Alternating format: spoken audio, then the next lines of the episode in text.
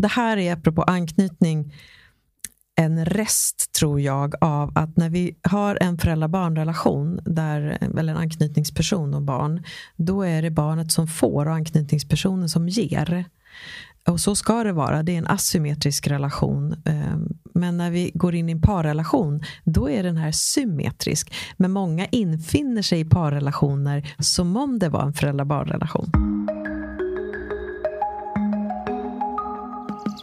Going Deeper är ett space där vi öppnar upp dörren till vår relation och tillsammans med våra gäster delar vi med oss av de mönster som vi själva har behövt bryta, de rädslor vi behövt möta och de nycklar som guidar oss till att skapa djupare och mer meningsfulla relationer.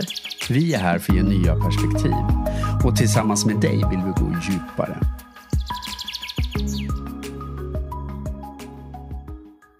Veckans avsnitt möter vi Malin Drevstam för ett samtal om hur vår anknytning påverkar vår relation till vår sexualitet. Malin är psykoterapeut, sexolog och författare till flertalet böcker. Bland annat boken Lust och olust om sex, närhet och anknytning. I det här samtalet så pratar vi bland annat om hur vi kan använda vår sexualitet som ett sätt att växa som individ och människa hur olika typer av traumatiska upplevelser kan forma vår relation till vår sexualitet och um, hur vi kan läka vår anknytning och våra erfarenheter för att skapa en mer hälsosam relation till just vår sexualitet. Vår förhoppning är att det här samtalet ska bidra med nya perspektiv när det kommer till just njutning. Alltså på vilka sätt kan du komma i djupare kontakt med din egen njutning genom att bli ännu mer medveten om dina egna mönster och din historia. I veckan kan vi också stolt berätta att vi har med oss Livspuls som sponsorer. Livspuls välkomnar dig som är nyfiken på emotionellt fokuserad terapi för att gå ännu djupare i förståelsen för hur din anknytning påverkar dig i dina relationer. Livspuls jobbar både med individer, par och familjer och hjälper er att stärka er relation och skapa mer kontakt och intimitet.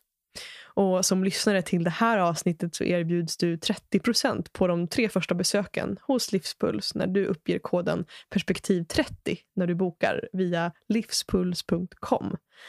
Och som alltid så är jag så nyfiken, jag vågar säga att vi är nyfikna på att höra hur det här samtalet landar i just dig. Så dela jättegärna det här samtalet, antingen på din story och tagga oss eller hör av dig direkt till oss och berätta. Det betyder allt för oss att få ta del av dina reflektioner och insikter. Nu har det blivit dags att välkomna Malin till samtalet. Hej och välkommen Malin Drevstam till Going Deeper. Tack snälla. Så fint att få ha dig här. Jättespännande. Det här vågar jag säga att både jag och Peter har sett fram emot väldigt länge att få möta dig.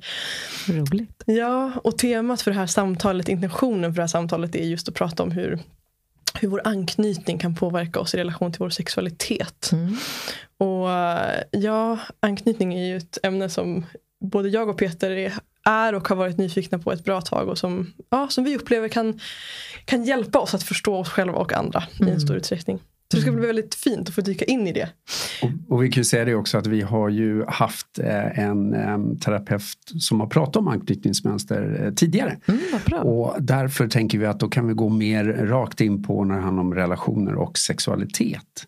Och sen kan vi också säga det att vi är ju, nu ska vi se, det är ett par år sedan du släppte boken va? Eh, ja, Lust och olust om sex, närhet och anknytningsmönster. Precis. Och, eh, så den har vi, vi har inte lyssnat klart på den men mm. vi har lyssnat en del på den. Eh, och vi, som Madde sa, det här är superspännande. Ah, så okay. vi är glada att ha det här. Och ni hör att det inte är jag som läser in boken så nu får ni kanske höra lite i andra formuleringar. Vi sa det, det är synd att inte Malin läste in ja. Om vi ska vara rakt på sak. Jag fick inte välja tyvärr. Nej, ja. ja, ja. Men eh, jag är glad att den finns tillgänglig för alla som har ljudböcker. Ja, nej, men så vik viktig kunskap vågar jag mm. säga för många. Och innan vi kör igång och dyker in här i samtalet så skulle jag vilja höra med dig Malin bara hur, mm. hur du mår. Hur mår ditt hjärta idag? Spritter gör det. Jag vet inte om det är våren eller om jag bara... Mm, jag tycker om att göra nya saker och nu är jag på en ny plats med nya människor och det gör mig alltid förväntansfull och glad. Och så är jag en väldigt återhämtande och avkopplande helg bakom mig så det känns som jag är på en jättebra plats faktiskt. Mm. Fint att höra. Mm. Jag vågar nog säga att vi vi, vi möts i den där energin. Mm. Jag känner mig också förväntansfull. Mm. Um, så det känns väldigt kul. Jag känner mig förväntansfull på vart nyfikenheten kommer ta oss. För jag har ingen aning om vad vi kommer komma att prata om egentligen. Med att ni är nyfikna på mina favoritområden. Mm. Men eh, det ska bli spännande att se vad vi kommer att prata om. Eller hur? Men det är också spännande just det där att det, det vet vi faktiskt inte. vi har en struktur och en ram. Men sen så, ja. Vi har några frågor men det, vi sa det också att vår nyfikenhet kommer nog styra med mm. det här samtalet. Och innan vi ens går in på samtalet så är mm. vi också nyfikna inte bara på hur hjärtat mår utan vad går din uppmärksamhet och ditt fokus i ditt liv generellt? Liksom om du bortser från just den här podden här och nu. Intressant, jag har tänkt nämligen på det. I morse sa jag till min man när vi hudade, vilket vi gör varje morgon, så sa jag gud vilken popcornhjärna jag har. För den är just nu, jag vet inte om den är vårrikt disträ, men jag känner mig som en valp som följer en fjäril. Oj, nu hamnade jag här, men gud varför gjorde jag det? Vad intressant. Och nu hamnade jag här. Så jag är intresserad av eh, det mesta, men jag lägger också märke till mycket saker. Jag tror att jag är en liten högkänslig person, det vill säga detaljer fäster sig väldigt tydligt, vilket jag är oerhört tacksam för i mitt arbete som terapeut. För att mina klienter blir ofta förvånade över hur mycket detaljer jag kommer ihåg. Var det inte du som hade en faster som hette Ingrid som bodde i Arboga? Hur kan du komma ihåg det? Men för, för mig blir alla mina klienters liv som inre sagoböcker. Och de är jättelätta att komma ihåg. men jag kan också lägga märke till hur jag ja, men noterar helt meningslösa saker. Som en lampa på ett café igår har jag legat och funderat på i morse. Inte för att jag tyckte den var jättefin utan bara för att den fastnade någonstans på min mm. näthinna. Så jag, jag, jag är lite mera nu i 50-årsåldern så jag blivit lite mer tillbakalutande. Så jag är lite mer så här, undrar var min uppmärksamhet kommer hamna. Så jag både observerar mig själv samtidigt som, som jag låter min nyfikenhet leva sitt egna liv. Hänger ni med? Ja. Yes. och det är en väldigt spännande sätt. Alltså jag har, tycker om ordet att bli efterklok. Alltså jag håller verkligen på att lära, mig själv, lära känna mig själv i efterskott hela tiden. Och det, jag är tydligen en person som ditten datten ditten datten. Mm. Vi pratade om det innan att jag cyklade hit. Och jag har verkligen lagt märke till, jag är tydligen en person som älskar cykla. Jag har bara trott att det var en praktisk transportmedel. Men jag älskar tydligen det, för efteråt är jag alltid så himla glad. Mm. Gud vad fint, jag älskar det här perspektivet att eh, det här, den här nyfikenheten på sig själv. Att så här, jag, den jag är idag kan ju vara någon helt annan mot för den jag är imorgon eller igår. att Verkligen. det alltid kan förändras. Och jobbar man med sex så är det ett extremt hjälpsamt perspektiv också. Det är lite så här, undra på vilket sätt jag kommer njuta idag. Det är en väldigt liksom öppen och nyfiken men inte med extrema förväntningar om att något speciellt ska hända eller uppnås. Så då kan man bli positivt överraskad. Precis, men den är spännande just där också. Man, jag tycker ofta det pratas om att, så här, att, det, att vi är snabba på att sätta människor i fack. Att du är så här, jag är så här och så vidare. Mm. Och så mm. kanske vi fastnar där. Men också att det är lätt att tänka att andra placerar oss i fack. Men också att faktiskt rikta fokus på oss själva. Hur, på, på vilka platser i mitt liv har jag placerat mig själv i ett fack? Exakt. Att så här är jag, så här ja. njuter jag. Eller, Mm. Ja, jag känner också när, när du berättar att jag kände mig själv väldigt mycket i det, din mm. beskrivning. Mm. Eh, vi är ju, tror jag, jämnåriga i princip mm. i alla fall. Mm. Och just det här med att luta sig tillbaka men också låta nyfikenheten styra. Och då blir jag också samtidigt nyfiken på hur du egentligen kom in på att jobba med det du gör. Eh, vad, vad är det för bakgrund eller kanske till och med om det finns specifika händelser som du kan liksom koppla tillbaka till som kan beskriva varför egentligen du, du jobbar med det du gör. Ja. Eh, om jag är lite efterklok så kan jag ju se att mitt intresse för eh, relationer och sex har ju funnits ända sedan jag var liten. Jag är uppvuxen i en väldigt liksom, eh, nakenhet har varit naturligt, att mamma och pappa har varit attraherade av varandra har varit uppenbart. Eh, eh, allt ifrån att jag lekte sex med mina Barbie-dockor till att jag läste Puss och kram av Hans-Erik Hellberg Eh, Ehm, och tummade på grottbjörnens folk. Alltså jag tycker, det har alltid varit superspännande med sex för mig. Eh, på ett alltså, positivt sätt. För mig har sex bara varit, undrar vilken tillgång det kommer bli i mitt liv. Om man säger så. Vilket har varit nu förstår jag hur många det är som brottas med motsatta erfarenheter eller mer komplicerade erfarenheter i alla fall. Men det var ingenting jag någonsin tänkte att jag skulle jobba med. Men jag slukade kropp och knopp i kamratposten och sådär till exempel. Men sen eh, så när jag hamnade på gymnasiet så slank jag in på att bli gymnasieekonom och sen började jag jobba med försäljning och till slut hamnade jag med, jag jobbade med affärsutveckling i it-branschen tills jag var 30. Och där, när jag blev förälder, vilket jag, jag var tvåbarnsförälder när jag var 30, så var jag väldigt olycklig i min roll. Jag blev helt vilsen i livet. eh, och kände att jag vet, det var någonting med att bli förälder som förändrade någonting i mig. Jag kan inte riktigt säga vad. Det bara var någonting ställdes på sin spets. Och mitt i allt det så var det en kompis till mig som var, då pluggade hon till homeopat. Hon är också psykolog, men då pluggade hon till homeopat. För vi var väldigt mycket inne i lite alternativa världen. Och vi satt hemma och ammade våra barn och tittade på Deepak Chopra. Mm. så det öppnades upp liksom nya världar. Jag är uppvuxen lite i en radhusområde i en förort i Stockholm och lite normativt liv, får man väl minst sagt säga. Men en väldigt liksom lugn och eh, trygg barndom skulle jag säga. Och eh, då säger min kompis till mig som har helt andra bakgrunder och bott utomlands och mycket mer experimenterande. Så säger hon så här, Malin jag såg att Deepak Chopra ska ha en workshop i London, ska inte du och jag åka dit? Jag bara, det låter ju spännande men vad då? vad handlar den om? Ja, den heter Seduction of the Soul. Och jag bara, Seduction of the Soul? Va? Vad är det för jävla namn på en workshop? Vad menar du? säger hon. Ja, men seduction betyder ju förföra. Det är ju inget bra. Och hon bara, va? Vadå inte bra? Och då blev jag så här, det var en knockout för mig. Vadå? Förföra är ju dåligt. Det betyder ju otrohet och, och liksom, för mig var det jättemycket negativ association med ordet förföra. Och i hennes värld var det bara att bejaka och liksom, det var bara positivt för henne. Tack Katarina. Men det fick mig så här att oj, gud så olika man kan se på ett och samma ord. Och då började jag fråga runt lite bland människor omkring mig. Hur ser du på ordet förföra? Vilka associationer väcker det? Och då kunde jag se att de människor som hade positiva associationer till det var människor som jag var intresserad av och nyfiken på. Så jag tänkte, liksom, det kanske finns någonting här som det finns en naturlig väg att bejaka om jag rör mig i att att se på.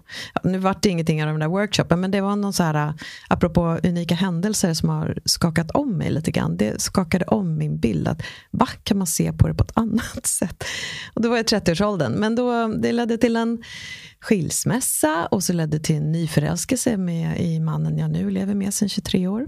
Äh, det ledde också till att jag och han åkte på en, äh, en kurs för, som heter Kärlek, mod och medvetenhet, en fyra dagars kurs Ehm, som var fantastisk för oss. Vi trodde att det skulle vara som ett liten romantic getaway om man säger så. Men det var ju frigörande andning och yoga och raw food och allt alternativt man kan tänka sig nästan.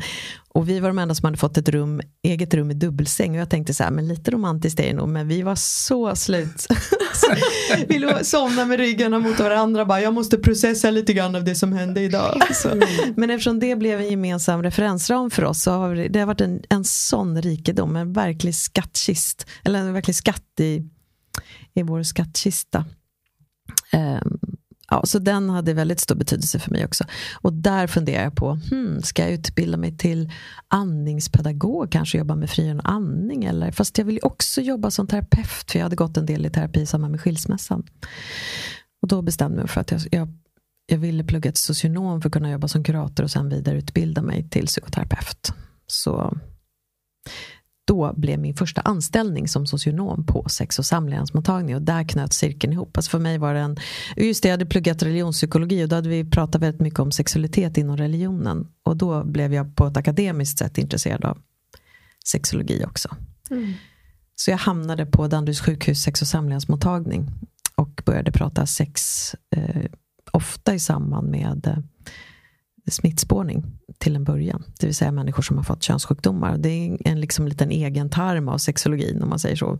Det, det, och då kan man ju fundera på vilka får det? Jo men det är människor som bejakar sin sexualitet men kanske missar att skydda sig på ett adekvat sätt. Och en del skyddar sig inte för att de har massor med rädslor eller okunskap. Och en del eh, skyddar sig inte för att de tycker att det ska vara för genant. Ja, men det, det finns, varför skyddar man sig inte mer när man vet att kondom funkar? Och det fick mig att bli väldigt intresserad av. Är det någonting i vår erfarenhetshistorik som påverkar hur vi beter oss sexuellt med andra människor? Mm. Spännande. Mm. Ja, det är jättespännande faktiskt. Mm. Ja, jag ser så fram emot att dyka in i det. Vad är det som påverkar hur vi bejakar och förhåller oss till vår mm. sexualitet? Mm. Jag tänker innan vi gör det så blir jag också nyfiken på att höra hur du skulle definiera en, en, ja, men en hälsosam relation till sin sexualitet. Um, en hälsosam relation till sin sexualitet handlar om att eh, lyssna på sin kropp. Vår kropp bär på så otroligt mycket visdom. Eh, men ibland har den också spår av erfarenheter som inte är hjälpsamma i nuet. De var helt adekvata i dået. Men i nuet så blir de i vägen. Vi kanske spänner oss i situationer vi inte behöver spänna oss. Men vi gör det för att kroppen känner igen någonting från tidigare och hinner reagera av sig själv. om man säger så. Men att lyssna på sin kropp för att se, är det här en signal jag borde ta på allvar och fly eller fäkta till exempel? Eller är det här en signal som inte stämmer och hur kan jag i sådana fall mjukna för att ta mig förbi den blockeringen som uppstår. Så att lyssna på sin kropp men också att tänka att eh, vara i sammanhang där du vet att dina gränser kommer respekteras. Så att du använder dig av möjligheten att sätta gränser. Så att egentligen kan man väl säga en, en, en hälsosam sexualitet handlar om att veta vilka nej jag har vid varje givet ögonblick. Eh, tillåter dig själv att stanna i massor med kanske och vara tydlig med vilka ja du har. Det vill säga både respektera dina behov men också bejaka din nyfikenhet. Mm. Jag vet inte om det är någon bra sammanfattning, men där någonstans. Alltså sexualiteten är någonting vi behöver vara varsamma om, men det är också otroligt någonting kraftfullt som vi kan använda oss av och växa med. Mm. Spännande, jag tänker det här du är inne på att dels att bejaka sina ja och också att eh, liksom, respektera sina nej. Mm. Um, och jag blir nyfiken på ditt perspektiv. För jag kan jag kan tycka mig se, och nu är jag ju uppvuxen i en helt annan generation än vad ni, ni två har gjort, vilket gör också det här perspektivet intressant. Mm. eh, utifrån att jag inte vet om jag har samma upplevelse av det. Mm. Det jag kan komma ihåg från till exempel de platser där jag har lärt mig om sex, mm. i skolan till exempel, mm. eh, och i andra liksom, sammanhang. Så tycker jag mig se ett mönster av att det ofta handlar mer om eh, hur vi kan Eh, skydda oss eh, och eh, respektera våra nej, alltså gränser och mm. liksom, ja, skydda oss på olika mm. sätt. Mm. Vilket är jätterelevant och en, en viktig grund. Mm. Men också att någonstans saknas samtal om hur hittar jag det jag faktiskt vill ha. Alltså att för mig har min re, en resa i min sexualitet handlat så mycket om att faktiskt lära känna vad är det som gör att jag njuter. Mm. Vilket jag aldrig har fått liksom, på något sätt till mig eh, i, på de platser där jag egentligen hade förväntat lära, förväntats lära mig om sex. Mm. Är det något du kan känna igen? I... Absolut, jag har till och med gjort en studie på det där. Um, jag tror att de som jag intervjuade då är i den åldern du är. Eller de, jag eh, gjorde den när jag pluggade psykoterapeut. Då gjorde jag en studie om vad är sexuell njutning? För att jag kom underfund med att jag sitter och tar emot personer som har problem med sex hela dagen och till slut så blev jag nästan tunnelseende. Finns det människor som har fungerande sexliv? Blev nästan en undran i mig. Jag blev förvånad. När folk, men det är klart att folk vänder sig till en terapeut med problem så det är inte så konstigt. Men då tänkte jag så här, men nu ska jag utforska någon slags hälsoperspektiv. Eh, så då satte jag upp en skylt på Stockholms universitet och så skrev jag, är du mellan 19, 19 och 29 år, kvinna och har upplevt sexuell njutning, kan du tänka dig att komma till mig och prata om det? Så jag gjorde en kvalitativ intervjustudie på fem kvinnor. Som jag tänkte säga, var det lätt att få folk till deltagare? Tänker Det var, jag fick fler än vad jag behövde, men det blev ändå inte fler än fem. Jag hade gärna haft fler än fem, men det var ett, praktiska omständigheter. Det gick inte att få till i tid, plats och så med de som hade anmält sig. Och, så att, eh, Ehm, det var inte så att det var en stor anströmning. Det kan jag inte påstå. Och det tänker jag också är en sån grej att, att prata om hur vi njuter sexuellt är extremt privat och personligt. Och man gör sig också väldigt sårbar om man nu skulle vara tydlig med det. För att som Ester Perel säger, som är en, en inspirationskälla till mig, hon säger ju what you fight against during the day is often what turns you on at night. Mm. Och det ligger verkligen mycket i det. Så att om du är en person som är synligt kämpandes för någonting dag på dagen så är det ju också jättesvårt att prata om, om det i något annat sammanhang. Um, om man inte då sätter någon förklaring runt eller ram runt. Eller förstår ni vad jag menar? Man behöver vara mm. försiktig. Jag tycker man ska vi behöver vara mer öppna om sexualitetens alla sidor och perspektiv. Men det är också viktigt att man väljer med omsorg vilka och när man pratar om det. För att det är så lätt att någon blir lite skärrad eller förvånad eller extremt dömande. Det kommer på nolltid att man, att man kan bli dömande just kring sexuella preferenser eller beteenden. Jag tänker på, jag vet inte hur det var för dig Malin, men när Madde berättar hur det har varit för henne så tänker jag på sexualundervisning när jag var liten. Mm. Det var mer inriktat, inte bara på skydd utan alltså det fysiska, hur vi var uppbyggda. Men jag minns, anatomiskt? Ja, liksom. anatomiskt. Mm. Ingenting om njutning överhuvudtaget. Och, så jag tycker också det här förmågan att samtala om sex mm. är fortfarande så vad ska vi säga, nästan eh, upp, alltså det är svårt att öppna upp för det på ett mm. sätt. Vilket min tolkning blir att också sätter igång väldigt mycket, alltså det triggar många till kanske inte alltid så hälsosamma mönster att de går igång på. Och det, det kan jag tycka är så sorgligt att vi inte kan ha en mer öppen och rak dialog egentligen kring sexualitet och mm. icke dömande. För du var inne på det också mm. det här att jag tror det är så otroligt viktigt att, att våga öppna upp för sin sårbarhet kring sex och sexualitet. Och det vet jag, det har varit någonting för mig de senaste åren. Mm. Eh, där jag har trott att jag varit så öppen och, och, så vidare. Men oj vad, vad jag har saknat en del mm. att öppna upp för. Mm. Och då blir jag också nyfiken om vi kopplar det till ditt jobb. Mm. Eh, och så tänker jag så här, de som kommer till dig. Eh, och du sa ju ofta kommer man när det är någon utmaning eller problem.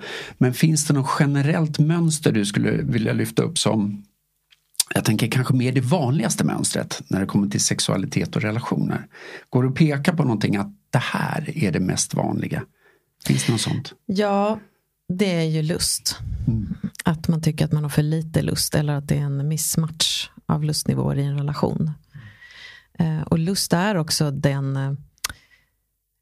eh, den mest utmanande formen av sexuell problematik. För hur, hur mycket lust vill du ha? Vem jämför du dig med? Eh, för vems skull vill du ha lust? Eh, och vad ska den här lusten leda till? Vad är det för typ av njutning? Och det är också så mycket som kan påverka. Alltså det är både biologiska saker som kan påverka vår lust. Att vi är trötta, stressade, sjuka, skadade Eh, har tagit eh, droger eller alkohol. Eller det finns många saker som kan stöka till sexlivet utifrån ett biologiskt perspektiv. Men sen finns det också psykologiska perspektiv och det handlar ju om självbild.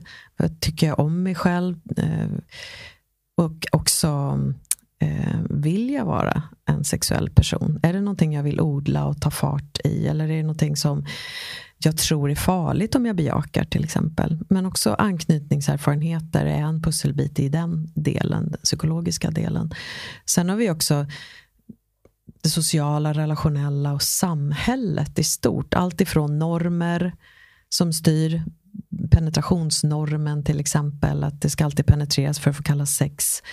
Eh, massor med begrepp som är vilseledande, till exempel oskuld är ett begrepp som är ytterst olämpligt att använda. För vad då blir jag skyldig till något nu om jag då sexdebuterar som är ett mycket bättre ord. Så, och sen också, med vem ska jag ha det här sexet? Jag träffar ju faktiskt konstigt nog, inte, det är inte konstigt om man tänker efter, men jag träffar ju rätt många ensamma människor som inte har sex och det är problemet för dem. Eh, bland annat att de är, de är oroliga för att det inte funka om de skulle börja dejta och det skulle kunna leda till sex. Så det är mycket sånt. Jag vågar inte för då kommer det visa sig att jag ändå inte funkar oavsett om det handlar om lust eller funktion. Så lust är väl det som är det mest ja, vanliga kan man säga. Jag blir nyfiken då på hur, om det är så att ett par till exempel kommer till dig, mm. och nu utgår jag från att det då är ett par, det är mm. två individer som kommer till dig och den ena personen har mycket högre sexlust till exempel mm. än den andra. Mm. Vad är liksom ett första steg i ett sånt arbete där du möter den typen av dynamik i ett mm. par? Då skulle jag vilja, vi håller kvar den frågan för jag vill backa till att lusten är ett problem, problem men eh, vi behöver ringa in njutningen eh, som en viktig faktor för att vad är det du ska ha lust till? Eh, om du vill gå omkring och känna dig kåt men egentligen inte vet hur du njuter så blir ju liksom lusten fyller inte riktigt någon funktion utan du behöver ju någonstans lära dig att njuta och det är det som gör att du sen längtar efter att njuta. Hänger ni med? Yeah. Och där tänker jag att ett, eh, om, jag då, om ett par kommer där en person har, har mer sexlust så eh, brukar ju en så vattendelande fråga är, förutom att jag brukar fråga varför kommer ni just nu? För ofta har det varit ett problem ett tag. Och då är det ju ibland så här, nej men för att nu, om inte vi får ordning på det här, då skiljer vi oss. Eller så. Det är ofta mycket som står på spel och det är inte jättelätt att hitta en bejakande frivillig lust om mycket står på spel. Men jag brukar fråga, när ni väl har sex, hur tycker ni det sexet är? Och eh, det bygger ju på att vi har hunnit få liksom en liten trygghet i rummet, en slags allians. Så att eh, om någon då, nej men då är jag orolig för att jag ska fungera, eller jag är orolig för att jag inte ska få orgasm, eller jag är orolig för att jag inte kommer ha lust trots allt, eller jag är orolig för att det ska göra ont, eller jag är orolig för att det kommer ställas önskemål om att vi ska göra saker som jag inte är bekväm med. Så, men om det är så här, ja ja, men det sexet vi har, det blir alltid bra. Det är bara det att jag går inte omkring och känner mig kåt hela tiden. Då vet jag i alla fall att då är, har de en, ett sex som är på en trygg plats. Om, om vi hade suttit med en eh, kamera nu, då hade jag kunnat ritat upp en pil. Men om man tänker sig utifrån anknytningen, så det, när vi är trygga i en situation, då blir vi kreativa.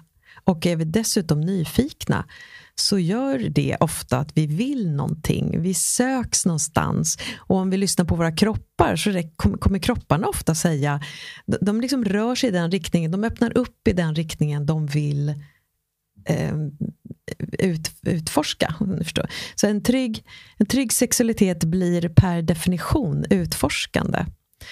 Men eh, sen kan det också handla om, om vi tittar på ett par som kommer och säger vi har inte sex tillräckligt ofta, fast när vi har det har vi det bra. Då är det ju också att vi är nu i ett samhälle där alternativa belöningar kryllar.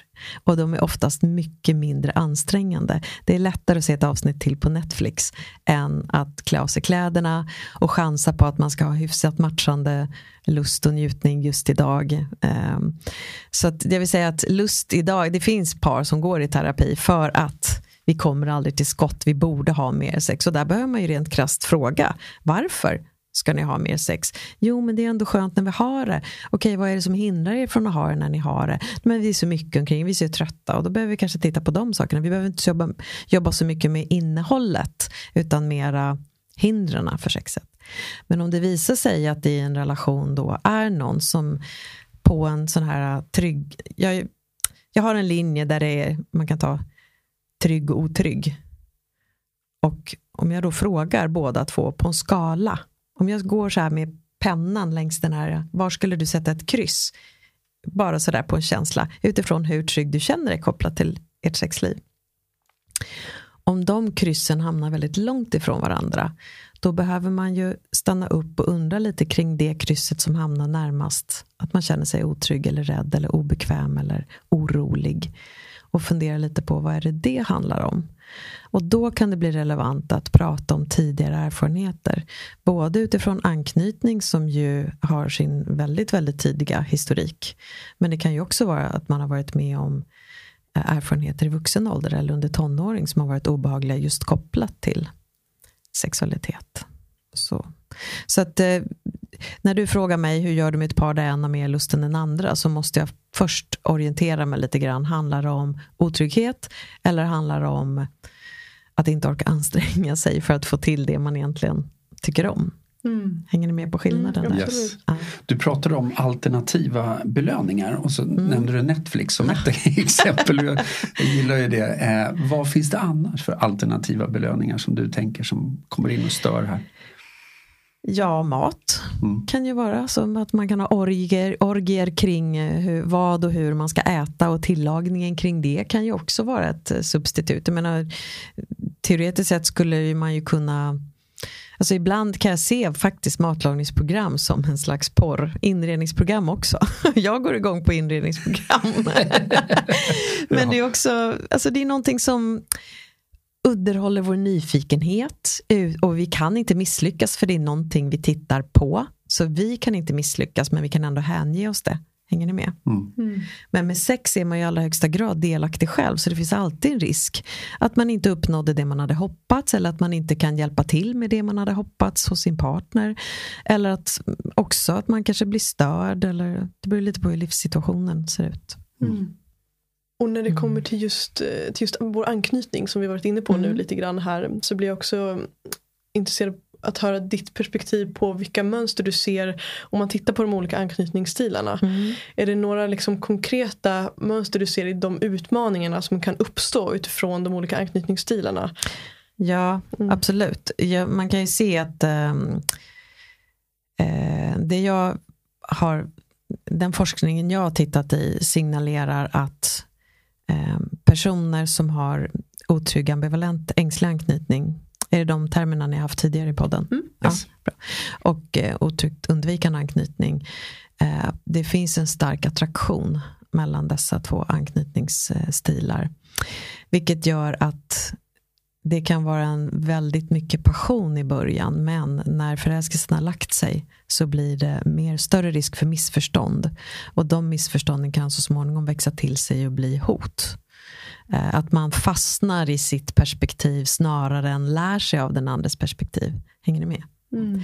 Så ehm, en person som har um, eh, otryggt undvikande anknytningsstil har ju tendenser att ha sex mer för att det ger njutning, för att det stärker självkänslan och eh, självbilden väldigt mycket.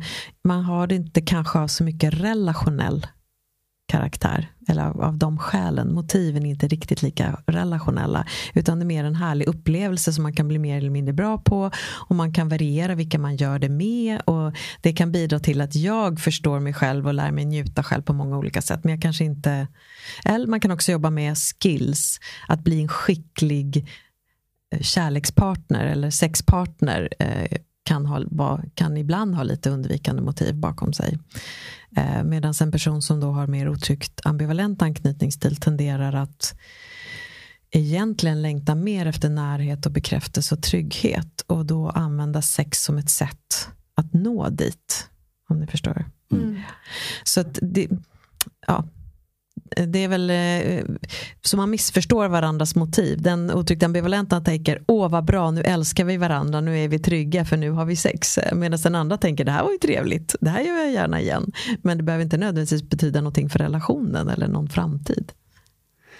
känner igen mig jättemycket och eh, det jag tycker är spännande här är ju också att vi gjorde ju en lite djupare undersökning inför det här också eh, med tanke på att du skickade och eh, jag känner verkligen igen det du beskriver om för att jag är ju supertrygg med Madeleine, alltså i relationen och med mina närmsta kompisar och så vidare. Men sen vandrade jag lite högre upp på den undvikande och det är där jag också märker att jag ligger på gränsen mellan secure och lite mer eh, otrygg undvikande.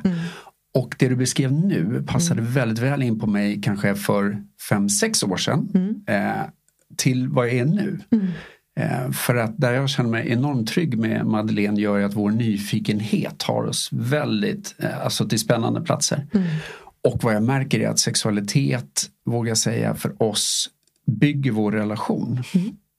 Stärker vår relation. Och eh, där jag säger den senaste ett året så har jag, alltså det har hänt så otroligt mycket inom det här området för mig. Dessutom är jag inne en del och utforskar när det kommer till tantra och sådana saker också. Vilket bara, wow, om folk bara fick, kunde få uppleva det jag får uppleva nu. Det är lite så jag känner. Att det är så oerhört skönt att gå från någonting där jag trott att Ja men just det, va- varför egentligen hade jag sex? Eh, till att nu se det som att det handlar om att stärka relationen, vilket jag tycker är fantastiskt fint. Och jag känner mig väldigt trygg och hållen i relation till Madeleine. Där vi också kan någonstans byta och liksom gå mellan våra olika energier. Att jag kan få känna mig hållen eh, och nu vill jag hålla.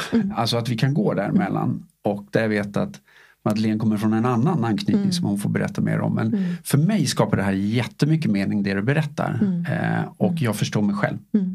Och då tänker jag att det är ju när vi kan röra oss mellan de två olika, alltså om vi, om vi tittar på anknytning och våra anknytningsbeteenden så är ju de inte, alltså det är inget problematiskt att ha undvikande anknytning om det inte ställer till det för en i livet eller om man inte har en partner som lider av att man är lite känslomässigt otillgänglig om man säger så. Men att kunna röra sig mellan att ibland vara en självständig person. Jag brukar, om, vi, om vi skulle hoppa, vi tar ett sidospår till sex nu och så tar vi istället eh, någonting som jag och min man gjorde eh, som heter akroyoga. Känner ni till det? Ja, Okej, ni kanske utövar det till och med? Faktiskt inte, men Nej, känner nej, till. Ja. känner till. Så det är ju en, en, en akrobatisk form av yoga där man använder sig av varandra. Det är lite akrobatik i det hela tiden. Och när jag och min man gjorde det, bara för att vi lärde känna en kompis som gjorde det och det var jättekul, men när vi höll på med det så tänkte jag herregud, vi håller ju på med att förkroppsliga anknytning nu. För att min man väger runt 100 och jag väger kanske runt 75 så det är ganska stor viktskillnad mellan oss. Men när man gör akroyoga så ska jag bära honom lika mycket som han bär mig. Och det blir, alltså när man är, man kallas för man, eh, bas och flygare och den som är bas är den som håller strukturen i övningen man just nu gör. Och den behöver lita på sig själv. Jag kan bära upp dig och du behöver lita på mig, för jag litar på mig. Alltså det handlar jättemycket om hur mycket jag litar på mig själv. Eh, lite åt det otryggt undvikande hållet om man ska säga att det handlar om mig. Medan eh, när man är den som flyger då, då handlar det om att överlåta sig eh, och visa tillit till. Så, vänta, nu blev jag rätt lite otydlig. Men när man är den som flyger, då tränar man sig i att bli beroende av den andra. Och när man är basen, då tränar man sig i att hålla den andra, det vill säga lita på att jag kan hålla någon annan.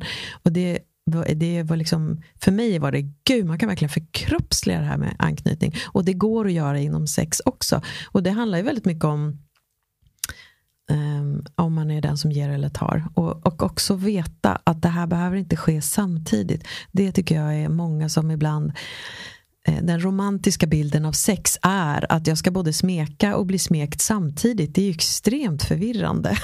Det blir ju jättesvårt. Ska jag både hålla och bli hållen samtidigt? Det är bättre att man ägnar sig åt varandra lite mer um, Omlott. Ja, om, ja men omlott. I alla fall tills man har lärt känna varandra och kan slappna av och vet lite mer vad den andra vill. Sen ska vi inte glömma att man är i dagsform också. Så bara för att jag tyckte om någonting igår behöver inte det betyda att jag är sugen på det idag. Så att man måste ju ändå ha en lyhördhet som är, även om man lär känna varandra så måste man hela tiden pejla. Men det är också intressant att se om man vågar vara sårbar och är lyhörd sexuellt så speglar kropparna varandra så himla mycket. De gör så mycket av jobbet själva. Man behöver inte riktigt koppla på någon slags kognitiv förmåga.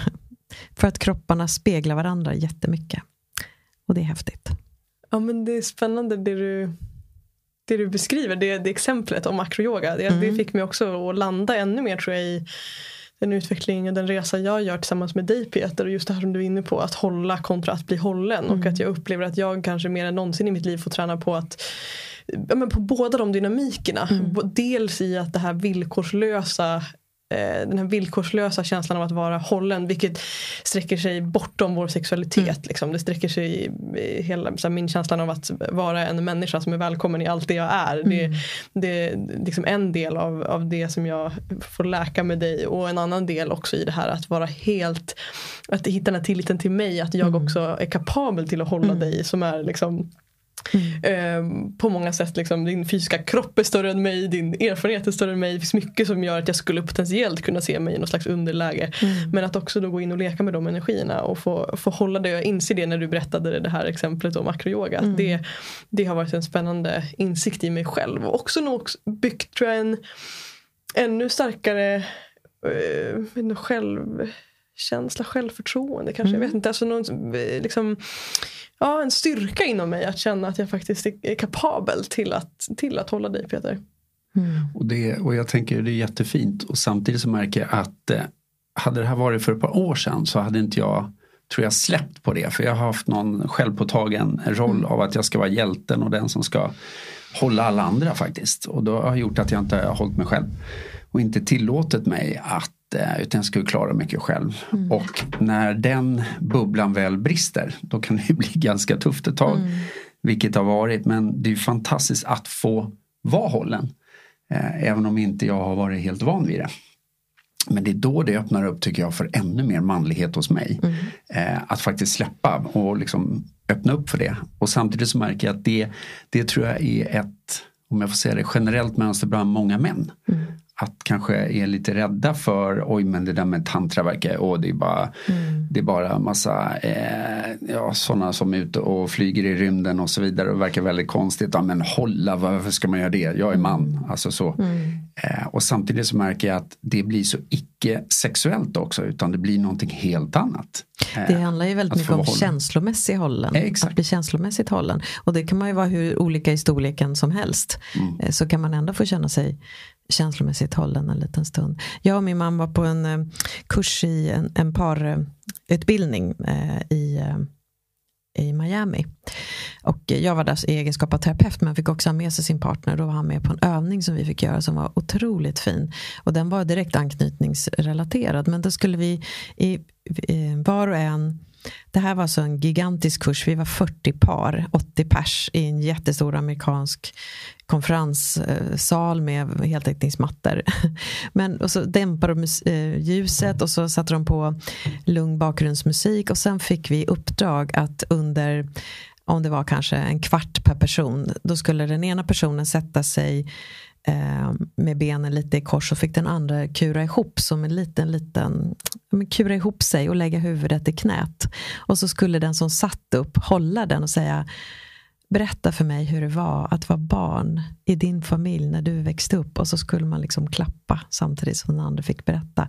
Och in, alltså inte, det var jätte, jättestark och jätte, jättefin övning att få göra åt båda hållen. Mm. Eh, det var verkligen ett sånt exempel på känslomässigt hållande som kanske gick lite längre än vad acroyoga-exemplet gav. Men det, och det är också väldigt mäktigt att göra det i grupp när man hör andras berättelser och känslomässiga förlösningar som sker när, när det är okej okay att få bli hållen. Och jag tänker också att det, det är skillnad på att bete sig sexuellt och att känna sig sexuell. Och jag tror att många går omkring och beter sig sexuellt. Precis som det är skillnad mellan att vara sexig och sexuell. Eh, och att vara sexuell är ju att vara i kontakt med alla aspekter av sig själv. Mm. Tänker jag. En annan, jag kommer att tänka på ett exempel. Du och jag Peter, vi var på ett eh, retreat, tantra-retreat uppe i, i Värmland här för några helger sedan. Dalarna. Dalarna. Ja, det var Dalarna. Mm. Det var just det, det är för mig samma sak. Men, um, ja, och då fick vi göra en övning där vi fick liksom gå mellan att, alltså att hur var det, nu får du hjälpa mig lite mm. här, men det här när vi skulle gå från olika liksom, procent. Att från, eh, från att vi, ja, först så var vi liksom rent eh, liksom, energimässigt i, eh, i hållandet så var mm. vi på 50-50. Liksom. Mm. Eh, och sen så sakta men säkert så blev vi då guidade av de som höll retreatet. Att mm. eh, nu Madeleine så går du upp i liksom, eh, 60% energi och Peter då du liksom 40. 40. Mm. Och sen så gick det där mellan, liksom, till slut så var jag på 90 och Peter var på 10. Eh, och, eh, och vad vill jag göra med den här kroppen som är helt liksom, snart bara en påse. Liksom. Mm, mm. eh, och att också få gå in i den energin av mm. att så här, nu är det jag som styr mm. och han har ingenting att säga till om. Men jag skulle ju vara död på slutet. Eh, alltså ja, ja men precis, det skulle gå till noll. Liksom. Mm. Eh, och, ja, och sen då att tillbaka till liksom, till 50% igen då där och sen så klev Peter upp i 60% och sen så ja, balanserades spännande. det. Ja. Mm. Och det var också väldigt mm. spännande hur de energierna liksom, eh, skiftade. Så jag tänker ah. att det är också ett intressant sätt att leka i relationer. Att, att pendla mellan de här. Och som du var inne på, det kanske inte alltid handlar heller om att vi måste vara i Alltså att frågasätta vad handlar balans om? Balans kanske inte handlar om att vi ska vara i 50-50. Nej, nej, absolut inte. Det handlar om att kunna röra sig. Alltså det ska alltid vara dynamiskt, tänker jag. För vi har dynamiska behov. Ingen har statiska behov hela tiden. Utan ibland behöver jag mer, ibland behöver min partner mer. Eh, så verkligen. Men jag, det här får mig att tänka på en intervju jag hörde i Vetenskapsradion för ett tag sedan tror jag det var. Det var i alla fall någon eh, vetenskapsjournalist som blev intervjuad om när, när vet man egentligen vad man tänder på? När, kan man se det redan i fosterstadiet vad det här kommer bli? Vet, det här är inte vetenskapligt men jag blev, då, då, pratar man i alla fall om att vara en svankare eller att vara en bestigare. Mm. Utifrån sexuellt perspektiv. Ja men en svankare är ju någon som...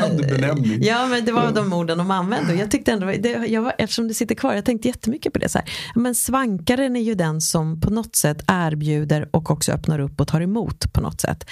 Medan den som bestiger är ju den som eh, fyller ut, fyller upp, ta för sig eh, på något sätt. Och man kan ju göra det oavsett vad man, vad man är född i för kropp. Kan man ju tänka sig, om jag vore en lite mera eh, svankare nu, hur skulle jag bete mig? Vad skulle, vad skulle jag tycka om då? Och om jag vore en bestigare, vad skulle jag tycka om då? Vad skulle, alltså det är ändå också mm. lite lek med. Mm. Om jag tänker på mig själv i det här tillståndet, vad upptäcker jag då eller vad blir jag lockad av eller vad skulle jag göra?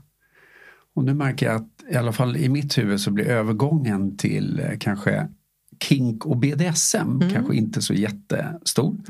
Eh, och då tänker jag på för det är ju ett område där det också går att leka väldigt mycket mm. med gränssättning, med dominans och, och så vidare. Vad, vad skulle du säga är de största fördomarna mot BDSM och, och vad finns det för, alltså, för jag tänker också att det finns många som har förutfattade meningar om BDSM och kink. Mm. Eh, som att de kanske är lite weirdos eller de, oj, de eh, är lite udda personer.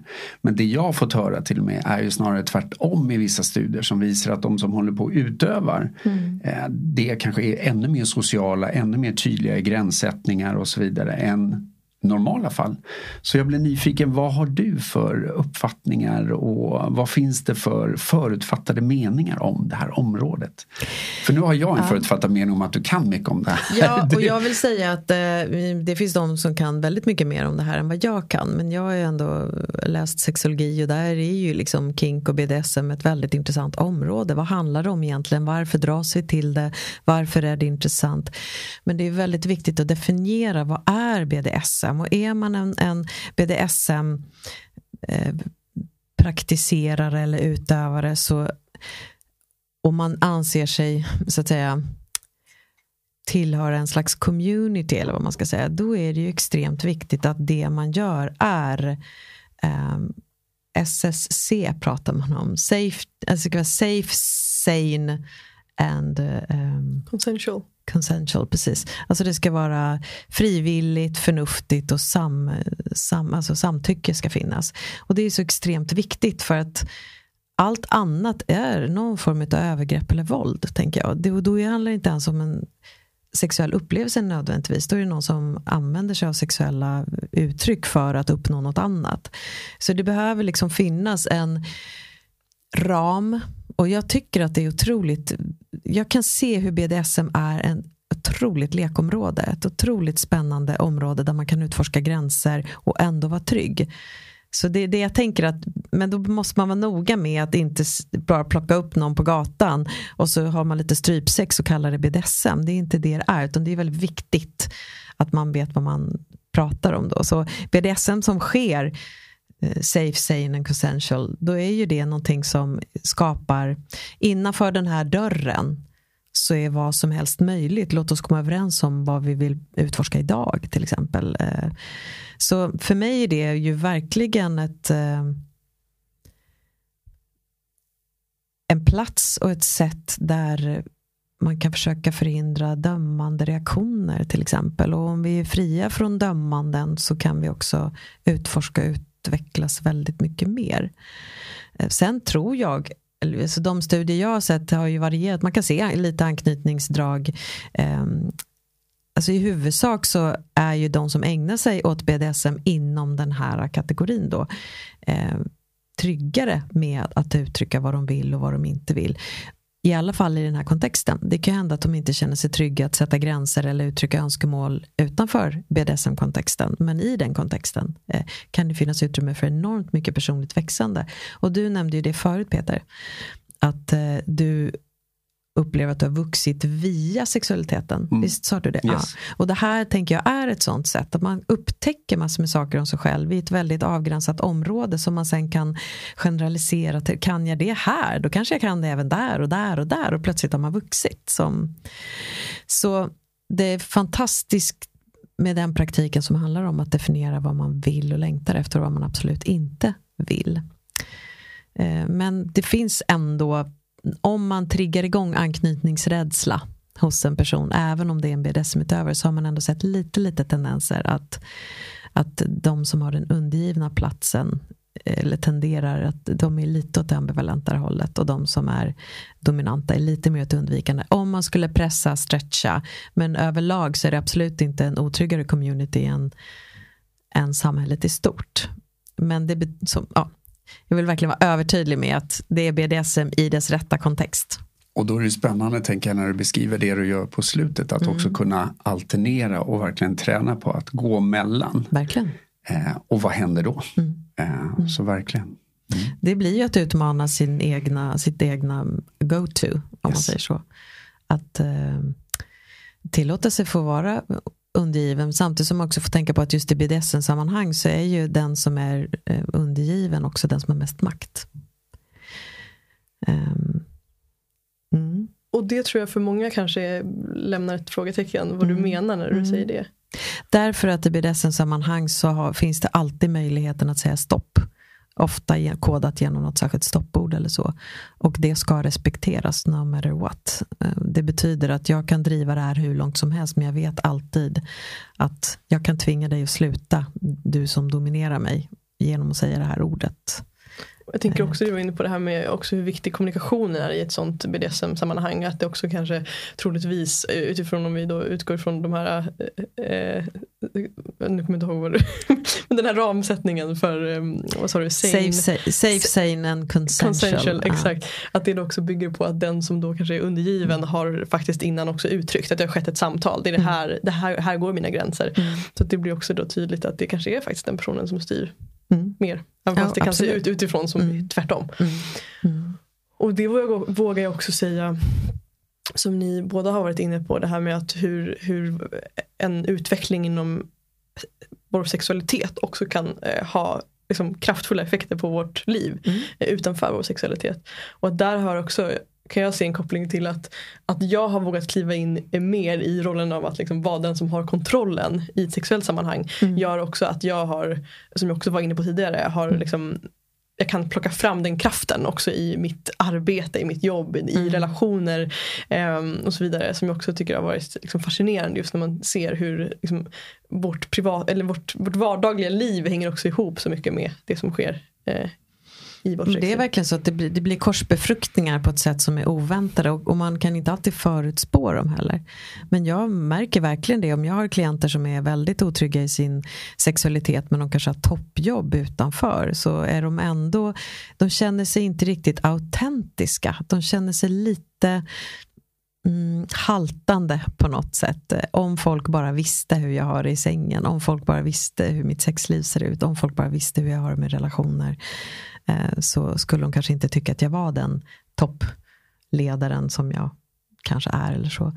Eh, och de jag har jobbat igenom har ju ofta speglat att det har påverkat hela deras självbild. Allt ifrån hur de känner när de kör bil till, till hur de känner sig trygga i relationer på ett annat sätt. Så jag, jag brukar ibland rita upp en relationstratt. Om vi tänker oss ett V framför oss så är vi liksom världsmedborgare Eh, och sen blir vi svenskar eventuellt och sen bor vi kanske i Stockholmsområdet och sen har vi en grannskap och släktskap och parrelation och längst ner det, det, är inte jättespeglande för jag brukar prata om parrelation och sen längst ner har vi en penetration och det är inte nödvändigt så att det behöver vara en penetration. Men förstår ju, ju mer intim nivå vi jobbar på desto mer går det att generalisera till andra områden i livet. Men man kan också gå i terapi eller coaching eh, på extremt ytliga nivåer under hela livet och aldrig komma åt det som handlar om vårt djupaste innersta sexuella liv eh, och gå miste om områden som hade kunnat vara värdefulla. Och då blir jag nyfiken för vissa saker tänker jag är ju kan ju vara väldigt omedvetna så att mycket ligger i vår kropp om vi får mm, säga det. Mm. Eh, och det är ju någonting vi pratade innan vi drog igång här om att jag har i vissa ceremonier i djungeln mm. fått reda på saker som jag kanske inte har fäst så stor uppmärksamhet på. Mm. Eh, och bara oj, den dyker upp som...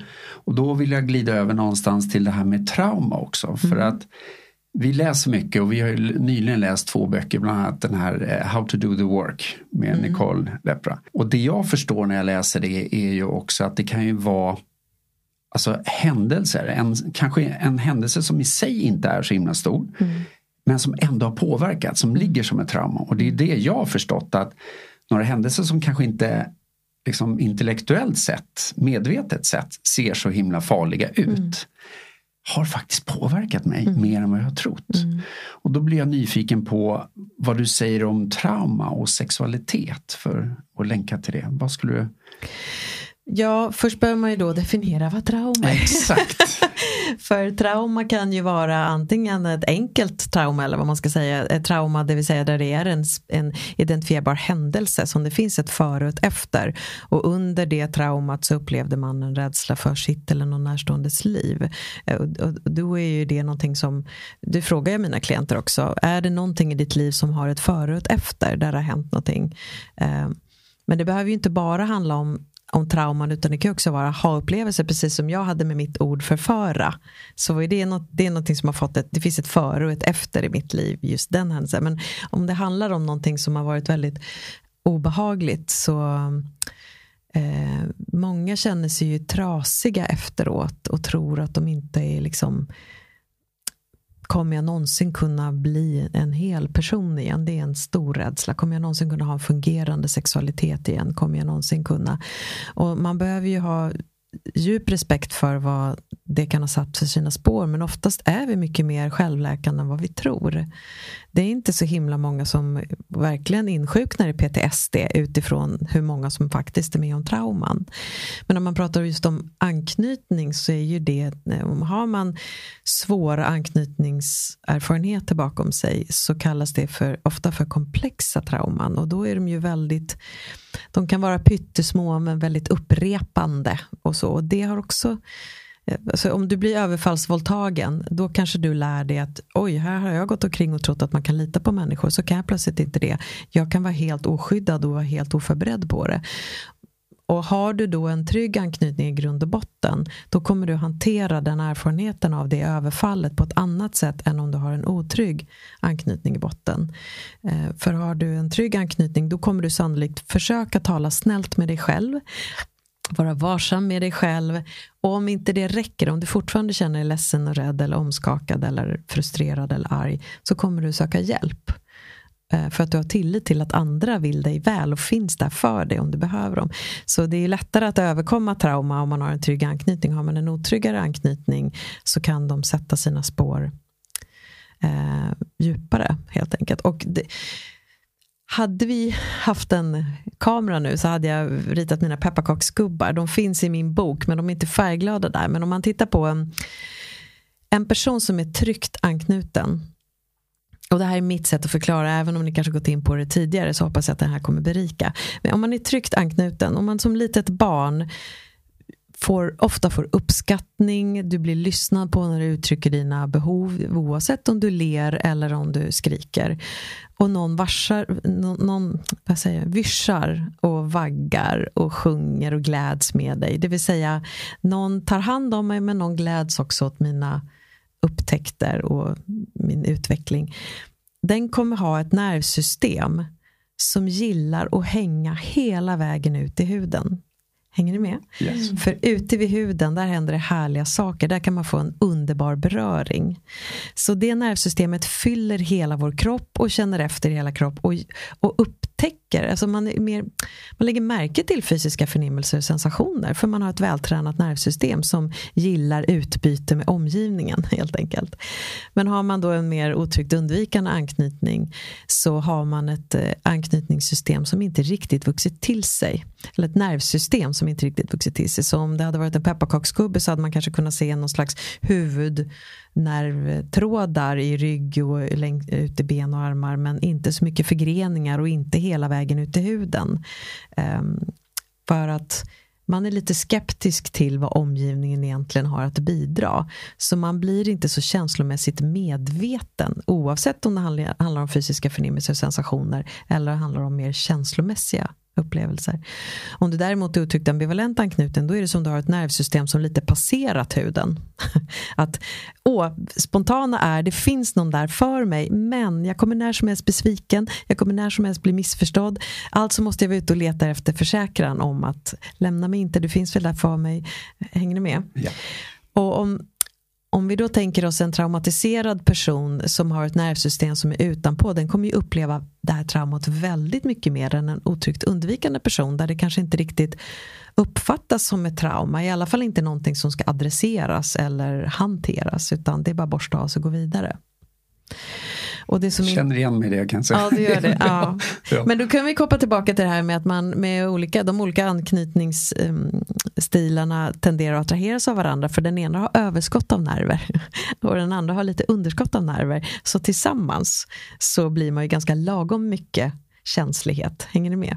Just det. Och i det, om jag får avbryta, så tänker jag också att det ligger väl... För det är någonting jag gillar, det är också att allt kan förändras. Det vill säga att det går att läka också. För att jag tror ju Absolut. någonstans att jag kommer mer från kanske mer eh, trygg men mer mot undvikande till att gå bara mer och mer mot tryggt. För att jag förstår mig själv och jag förstår också att jag kanske tidig ålder lärde mig kanske stänga av min känslighet och använda huvudet mer och då blir inte det här nervsystemet och, och liksom att jag litade kanske inte riktigt på mina känslor Nej. till sist utan jag försökte vara smart och anpassa mig utifrån vad andra liksom för att kunna föra mig framåt. Eh, och samtidigt att ha en trygg anknytning nu gör ju också att jäkla vad mycket läkning det ligger i det. Och vad mycket förståelse tror jag för att dels titta tillbaks på egna mönster men också se det som att du är inte. Absolut utan inte. du kan förändra hela tiden. Verkligen, och en förvärvad trygg anknytning är oftast ännu mer stabil än en ursprunglig trygg anknytning. Så men om, du, om jag då skulle fråga dig, för dels vill jag också lägga till att det här med anknytning, det, ibland är det lätt att man ramlar in och tänker att det är hela förklaringen för många saker. Men att vara man är också att skolas in i känn inte efter. Ja. Även om man har en trygg eh, familj och som är känslomässigt bekräftande så kommer normerna i samhället och hård, eh, liksom, vad säger man, stämningen bland unga grabbar när de kommer in i nioårsåldern då går de från att ha kramat varandra när de gör mål och sådär till att wow, wow, wow, bögjävel och så blir det en jättemycket tuffare jargong som man socialiseras in i också som, som Ja. man måste tänka på också blir en utmaning. Ja. Men om jag tittar på dig då, om vi säger att du har haft en tendens åt undvikande om något och sen upplever du att du nu mer är trygg. Får jag undra om du eventuellt har passerat ambivalent på vägen? Ja, Ja, för det är så ofta det är. Ja. Att är man helt eh, outvecklad i sitt nervsystem, hur ska, nerverna växer ju inte bara ut och känner check på det, nu är vi på en bra plats, utan den behöver ju passera trygghet för att gud. lite, woo, Nej, och det har hänt mycket de senaste åren för mig. Eh, också med separation och andra saker som har hänt. Så att definitivt har det varit eh, ambivalent. Och framförallt just det här att att känna oj jäklar, jag, jag står inte stadigt någonstans. Och då behöver jag ju landa. V- Vem är jag egentligen? Så att det har varit mycket av den. Och det är spännande att du säger för svaret kom självklart ja. Eh, definitivt. Och det är ju det lite grann som om, man, om, man, om vi då tänker oss att jaha, jag är tydligen otryggt undvikande, hur ska jag jobba mig mot trygg? Nu blev det bara ännu värre, nu vart det ju superspattigt och rörigt och skrämmande och läskigt. Det här måste vara fel. Men det blir, när man kan göra det till exempel i terapi med mig eller så, eller andra, den personen som var tidigare. Om man är så här, nu kommer det bli lite gungigt här, för du är van att ha ganska mycket kontroll.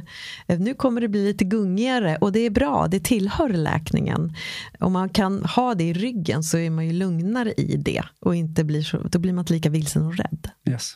Mm. Yes. Och för mig ligger mycket träning i och det får vi verkligen träna på i relation med Madde och det är just att träna på att vad känner jag egentligen? Mm. Inte vad mitt huvud responderar snabbt på bara utan vad känner jag egentligen? Mm. Och det är det jag tycker är så spännande att få växa i en relation på det sättet.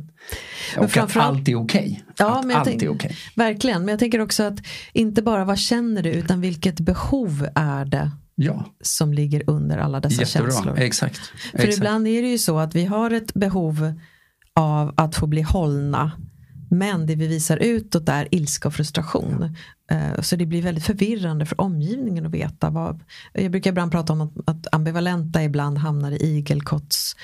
Alltså en liten igelkottunge som inte vill något annat än bli hållen. Men så fort någon närmar sig så är det ut med taggarna och ingen vet hur de ska bemöta den. Eh, och det är ju rädslan att bli sviken som gör att taggarna fälls ut. Ehm, och, då, och, tillit är ju faktiskt ingenting som man kan bli lovad utan det är någonting som man erfar längs tiden. Alltså du behöver känna dig trygg. Ingen kan säga, ingen kan säga att du är trygg utan du behöver känna dig trygg också. Exakt, och där tänker jag också mycket handlar om att bli duktigare på att observera vad är en vad är min överlevnadsstrategi? Mm. Och vad är egentligen min känsla och vad grundar sig den i? Så jag håller mm. verkligen med om det. För att mm. det jag också fått erfara nu är också att förstå att mönstren, oj det här är faktiskt inte, handlar inte alls om här och nu. Utan det handlar om kanske saker som är väldigt långt tillbaka.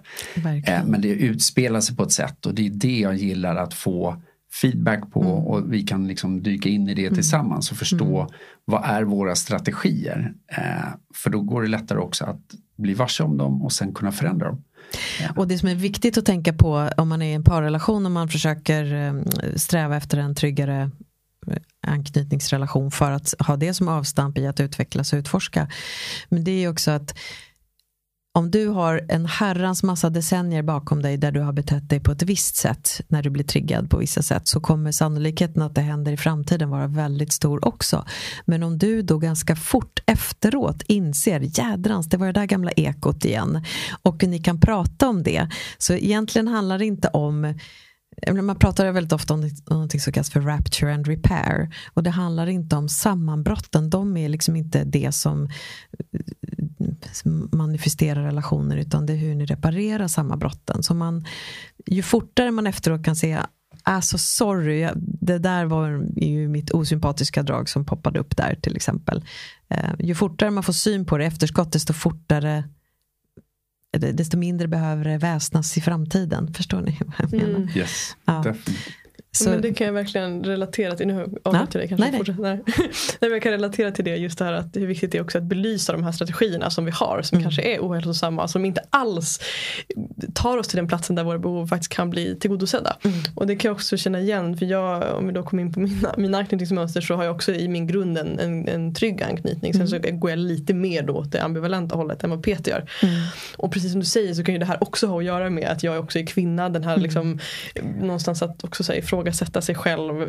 Det, det, så här, vart kommer det här ifrån? Det, mm. det, men det behöver vi inte gå in på. Men just det här också att jag kan se att jag och ännu mer i början av vår relation eh, hade ett mönster av att att stänga ner och, eh, och eh, bli kall när jag egentligen vill ha närhet. Eh, som du var inne på. Lite igelkottsbeteende. Ja men igelkotten exakt. Ja. Så att när du berättade om mm. igelkotten så kände jag bara mm. så ja men håll mig. eh, och att eh, det vågar jag säga har blivit mycket bättre också utifrån att vi har då eller jag har kommunicerat och sett det mm. efter att de här eh, sakerna har hänt. Mm. Där, där jag vet också att du Peter då har haft svårt att förstå när jag då i efterhand kanske uttrycker så här, men jag vill ju bara att du ska hålla mig när jag gör så. Och för dig är det helt omöjligt att veta om jag inte faktiskt kommunicerar. Mm. Och det som har varit spännande i det är ju att det också aktiverar mina gamla mönster. Vilket har gjort att jag inte känt mig orolig för äh, liksom att vi skulle liksom skiljas eller separera. Mm. För jag har inte känt den oron. Nej. Så du har bara stängt av så ännu mer? Så jag har stängt av ännu mer. Mm. Och, jag tänker jag klarar mig själv just nu, hon mm. behöver väl tid. Så att just det här att inte prata om det mm. och hamna i de mönstren, det är ju mm. fascinerande.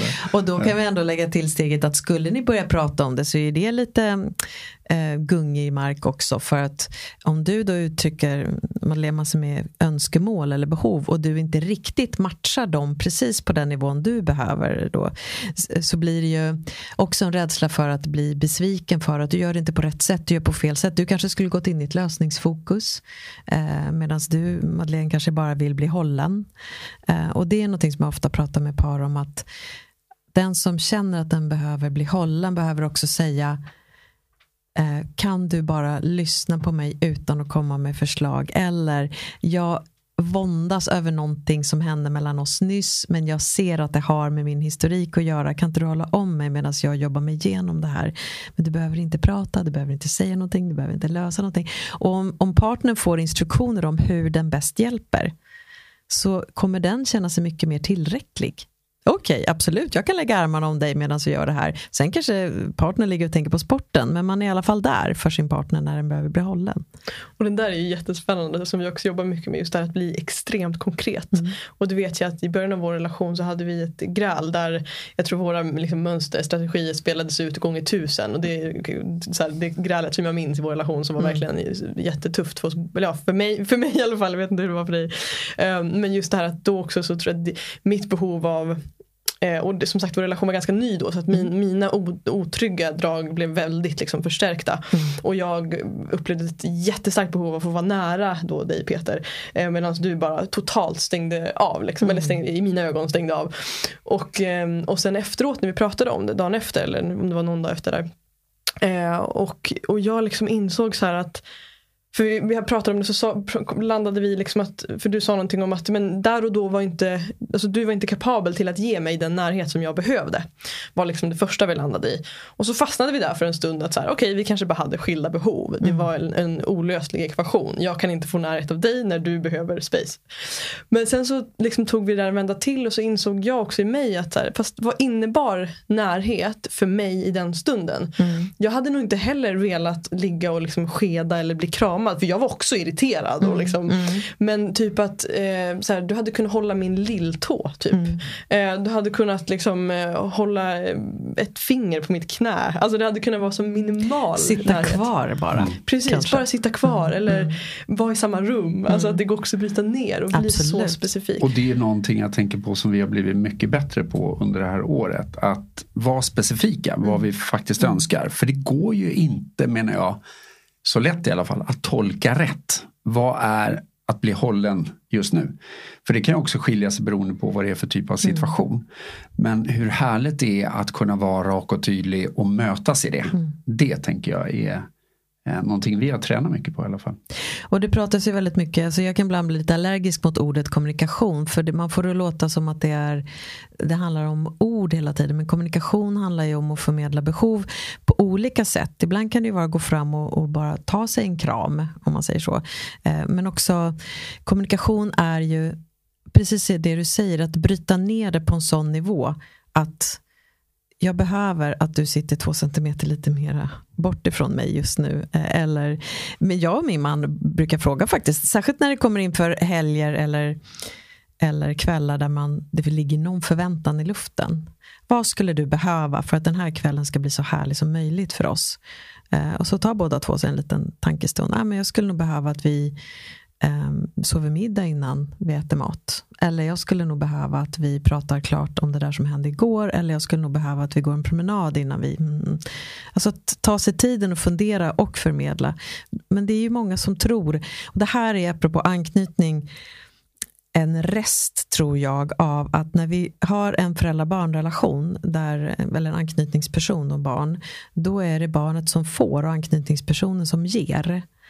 Och så ska det vara, det är en asymmetrisk relation. Ehm, men när vi går in i en parrelation, då är den här symmetrisk. Men många infinner sig i parrelationer som om det var en föräldrar-barn-relation. Så det är viktigt att veta att båda har, har eller ska ha möjlighet att, eh, att få och behöver vara den som ger. Mm. Ja. Fint. Ja, jag inser att klockan springer iväg och det är dags att börja avrunda. Mm. Även om jag, det är det sista jag vill. Ja, vi skulle kunna prata ganska länge. Ja, börja komma igång här. Ja, precis. Det är nu det händer.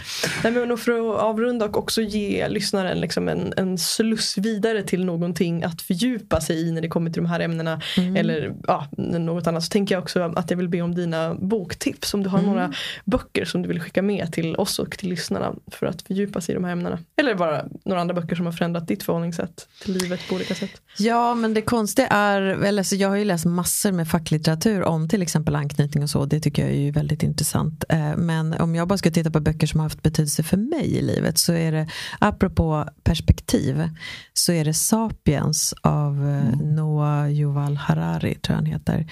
Ehm, och hans efterföljande böcker också. Eh, och också Lasse Berg som är en antropolog som har skrivit eh, om Kalahariöknen, tre stycken böcker om människans utveckling.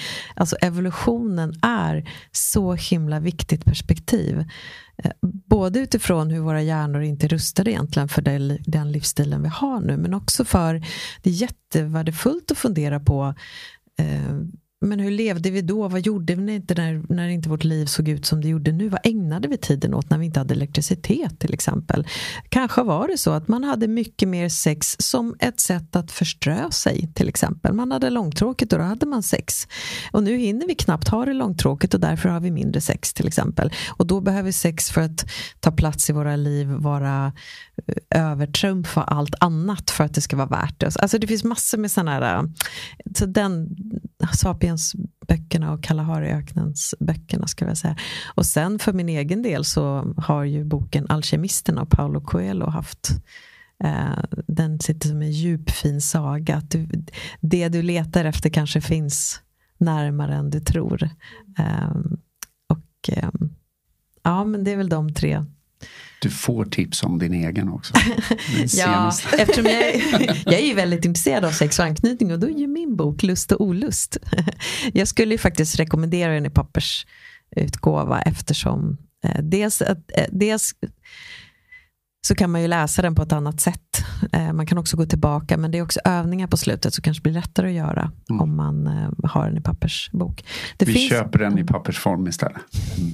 Jag skulle säga på, på förlagets hemsida, förlaget heter gotiakompetens.se. Om man letar upp min bok där, då har, finns det också övningar nerskrivna på hemsidan.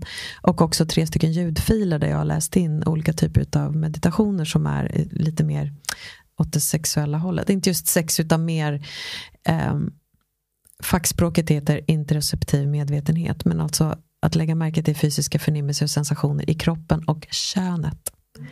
Eh, för om ni tänker er mindfulnessövning så är de, de studsar förvånansvärt snabbt förbi bålen, buken, skinkorna mm. eller rumpan. Och jag är inne i ollon och blygläppar och klitoris mm. när jag gör meditationer. Så. Fint. Mm. Mm. Och det hade kunnat vara ett helt annat ett helt samtal till. Så hur kan vi hitta njutningen genom att fokusera på det? Ja, vackert, det får vi gå in och titta på. Mm. Jag tänker vi har en fråga. Vi, dels så skulle vi kunna gå djupare in i väldigt mycket mer och samtidigt har vi en fråga om du tänker på är det någonting liksom som du har som du skulle vilja ha sagt under den här intervjun? Så då har vi en fråga, om det nu är det. Men då har vi en fråga som är vilken fråga skulle du vilja att vi ställer till dig nu? Om det ens är någon fråga. Om det är någon sån här viktig sista fråga. Ja, men den som poppar upp är väl kanske, är sex viktigt? Då ställer jag frågan, är sex viktigt? För jag tycker att den har varit en liten knådande fråga i mig. Eh, så därför så tycker jag den kan vara intressant. Hur ser en sexolog på värdet av sex? Om man säger så. Jag är ju genuint intresserad av det och tycker uppenbart att det är viktigt för jag har lagt ner åratal av studier på det. Men ju mer jag jobbar med det desto mer tänker jag att sex är en potentiell hälsokälla. Otroligt värdefullt. Men det behöver inte vara viktigt och man behöver också respektera personer som inte tycker att det är viktigt. Så jag ser det mer som en väldigt, väldigt potent och kraftfull multivitamin. Särskilt i en relation för man, så är det verkligen eh, sexlivet. Har man ett bra sexliv så är sannolikheten att man är nöjd med relationen i stort väldigt stor. Den är inte alltid så. Men, eh, så jag skulle säga att sex är otroligt värdefullt men det är inte livsviktigt. Mm. Ändå en multivitamin, det, ja. den tar jag med mig Malin. det, då, vi är bra på multivitaminerna. Multivitamin, ja, det tycker jag ni ska kalla det. Och uh, om du fick möjlighet att nå hela världen i 30 sekunder Malin, har du någonting du skulle vilja förmedla då? Och då skulle jag vilja säga att, att om du utforskar din egen njutning och lägger märke till när din kropp känner ull och din kropp känner ja, så kan du, alltså om du befinner dig i ett tryggt sammanhang så kan du utvecklas hur långt som helst om du använder sexualiteten som arena för att, för att alltså, tänker ändå, nu blir jag lite catchy kanske, men det är klimatsmart, det är väldigt billigt och det är väldigt hälsofrämjande. Så jag kan inte se varför man inte ska utforska den arenan. Men jag vill också ha full respekt för alla människor som tycker att det är klurigt. Mm. Så det är väl egentligen, sex är en enorm potential men vi behöver ta reda på vad vi behöver för att känna oss trygga när vi ska utforska det. Mm. Så sex som ett tryggt äventyr. Fint, tryggt Härligt. äventyr, det gillar jag. Mm. Och hur gör lyssnarna som vill komma i kontakt med dig? Det enklaste är väl att gå in på min hemsida www.malindrevstam.se Eh, där kan man klicka i nyhetsbrev. Man, kanske också, man kan också följa mig på Malin Drevstam på Instagram. Eh, men det finns kontaktytor på min hemsida. Fint. Då skickar vi alla dit. Exakt. Ja. In och titta och lyssna och läs din bok. Tycker jag. Ja, det tycker jag ni ska göra. Och är det så att man jobbar professionellt med det här har jag ju skrivit böcker också om hur man jobbar med sex i parterapi till exempel. Men det är väl mer för professionella. Mm. Men det kan säkert finnas sådana också. Yes. Fin med, medskick. Mm. Tusen tack Malin för din tack tid att du fick komma. och din kunskap och dina perspektiv. Det betyder tack. jättemycket att få dela den här timmen, timmen och en halv med dig. Mm. Så tack. Tack snälla. Tack.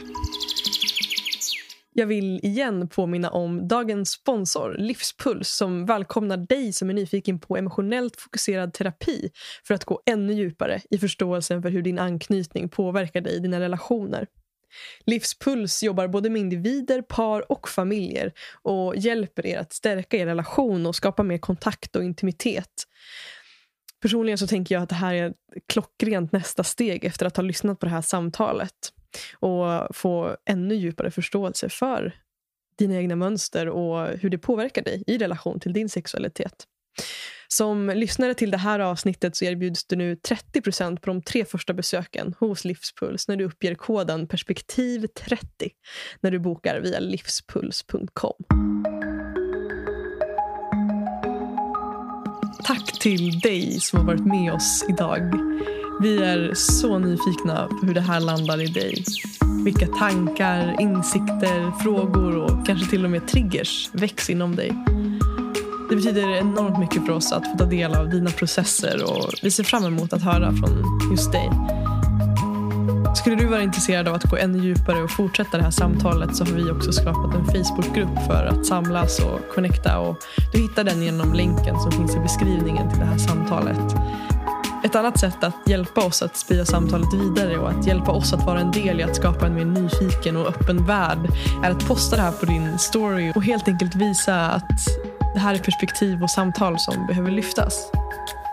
Än en gång, tack till dig som är här med oss.